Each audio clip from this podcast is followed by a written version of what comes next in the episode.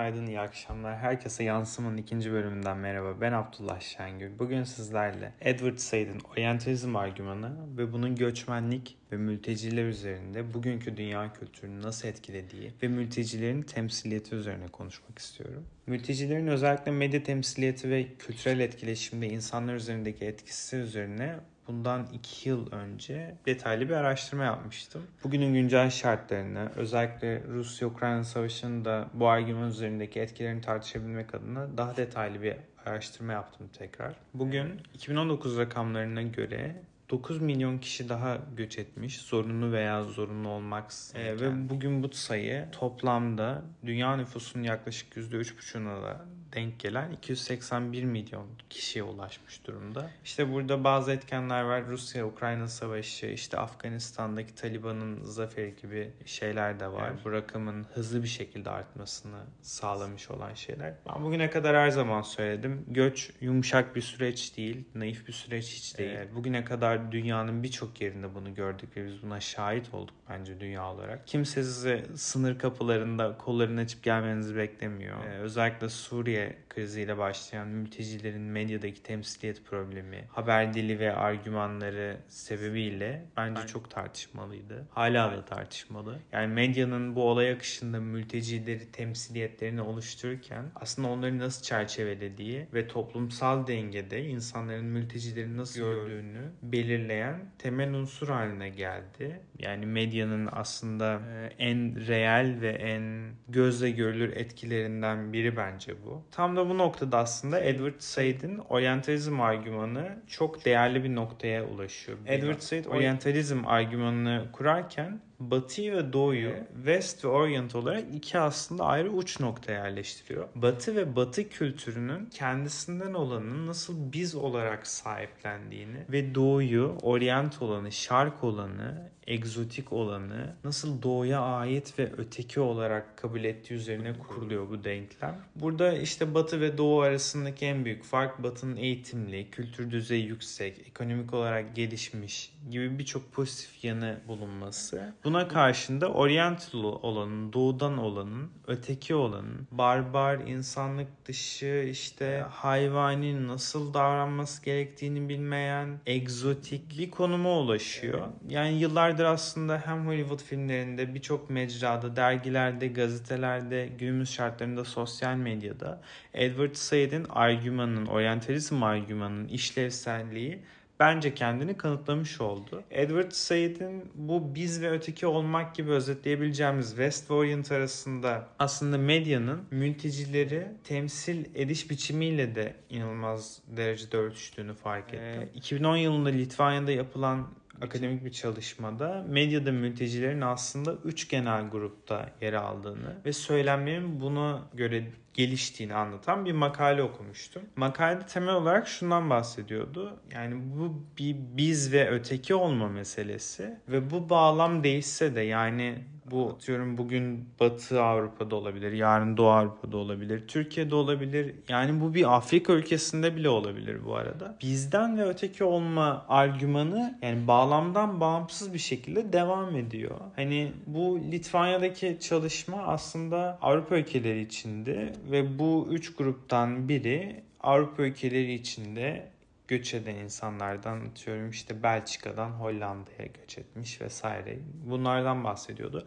Ve medyanın bu insanlarla ilgili aslında pozitif ee. hatta yani teşvik edici dahi haberler yaptığından bahsediyordu. İkinci grupta komşu ülkeler Rusya, Ukrayna, Belarus gibi ülkelere daha nötr bir yaklaşım varken doğudan daha uzaktan örnek veriyorum Orta Doğu'dan, Türkiye'den, Hindistan'dan gelen mülteciler için özellikle olumsuz bir yaklaşım gördüğünü anlatıyordu bu çalışmada. Bence bu çalışma bugünü anlamak için çok önemli. Çünkü ben bu çalışmayı o günün şartlarında Suriyeli mülteciler ve özellikle Afrikalı mülteciler üzerinden bir argüman yaratmak için kullanmıştım. Daha sonrasında ayın, bu yılın ikinci ayında Rusya-Ukrayna savaşı çıktı ve bence biz bu biz ve öteki olma haline bir kere daha şahit olmuş olduk. Çünkü özellikle geçtiğimiz yıllarda Suriye'den yine bir önceki yıldan, e, Afganistan'dan, Pakistan'dan, oradan buradan gelen veya işte İspanya'ya, İtalya'ya, Afrika'dan gelen mülteciler için medyanın tüm söylemi, özellikle suyla ilgili kavramlar üzerinden durdurulamaz, engellenemez,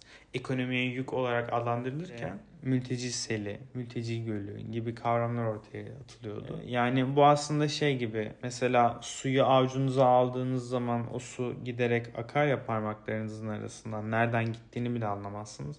En son böyle iki avucunuzun da ucunda bir birer parça birazcık bir su kalır. Yani medya burada bu su argümanını su üzerinden yarattığı argümanlarda diline aslında çok güzel bir şekilde döküyordu edebi olarak. Sonra Rusya-Ukrayna savaşı çıktıktan sonra bu durumun tam tersi oldu. Medyada özellikle Avrupa medyasında Ukraynalı çocukların okullarda nasıl tüm öğrenciler tarafından şarkılarla karşılandığından tutun. Medya tarafını bırakıyorum. Politika tarafında daha temelde ülkelerin mülteci politikalarını bile ne kadar hızlı değiştirip milyonlarca insana Avrupa'nın herhangi bir yerinde oturum izni sağlay sağlayabilecek kadar bile esnek olabildiğini ve bunun hani... tamamen o biz ve öteki olma üzerinden kurulması noktasında bence büyük bir turnusol kağıdı görevi gördü bizim için. Çünkü Rusya-Ukrayna savaşından sonra evet. Haziran son rakamlarına göre 5.4 milyon Ukraynalı göçmen var ve bu göçmenlerin büyük bir kısmı Avrupa'da çeşitli ülkelerde yer alıyor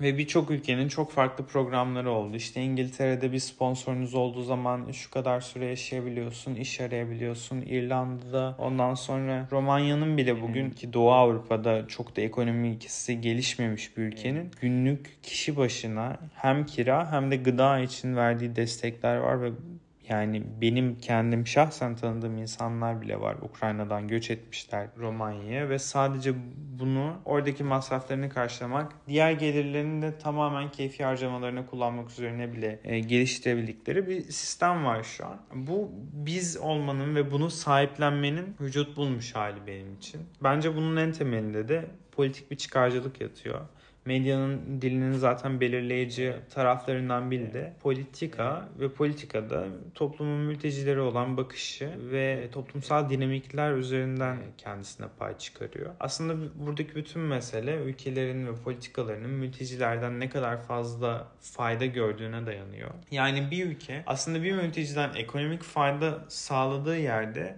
bu biz aidiyetini kurmakta çok da zorlanmıyor. Yani politik olarak da daha kolay oluyor bunu hazmetmek olarak bu temsiller siyasi fikirleri geliştirdiği, yaydığı ve meşrulaştırdığı için aslında medyada yer buluyor. Bunun bir sonucu olarak toplumdaki paydaşlar ötekileşerek ve kutuplaşarak birbirinden uzaklaşıyorlar. Ama her ne olursa olsun medyadaki bu söylem her ne kadar değişmese de gücü durduramıyor.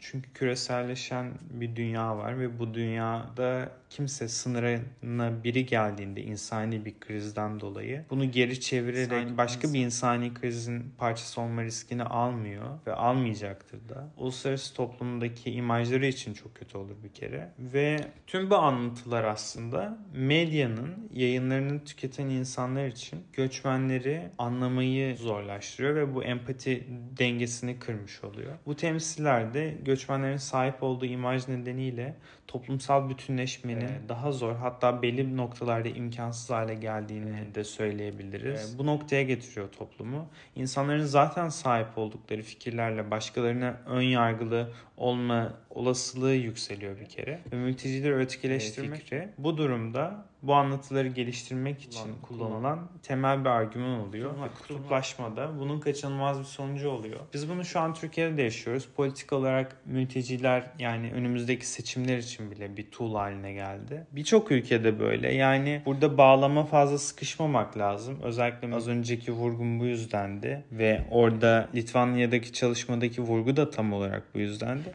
Bu tamamen bir masanın bir ucu biz olsun, diğer ucu öteki olsun. Bu masada hangi tarafa daha yakın olduğunuzla alakalı. Yani ortasından bir çizgi çekin. Bu masanın bir tarafı biz olsun, diğer tarafı da öteki olsun. Ve Edward Said'in o kurduğu bütün o biz ve öteki Orient, ve Western ve Oriental olan e, argümanını yerleştirdiğinizde hangi tarafa daha yakın olduğunuzla alakalı aslında nerede konumlandınız ve nereye aidiyet hissettiğiniz ve nerede kabul gördüğünüz. Ee, o yüzden mülteciler konusu özellikle Suriye'deki savaştan sonra ben uzun bir süre takip ettim mültecileri ve bu bağlamda gelişen kültürel çalışmaları. Bugün Rusya-Ukrayna savaşında da yaşadıklarımız bence çok kayda değer şeyler kültürel çalışmalar açısından. Bu bağlamda da Edward Said'in tekrar söylüyorum bu biz ve öteki bağlamını çok daha net, çok daha gerçekçi bir şekilde mülteci konusu üzerinden iyice sindirebilmemize olanak sunuyor.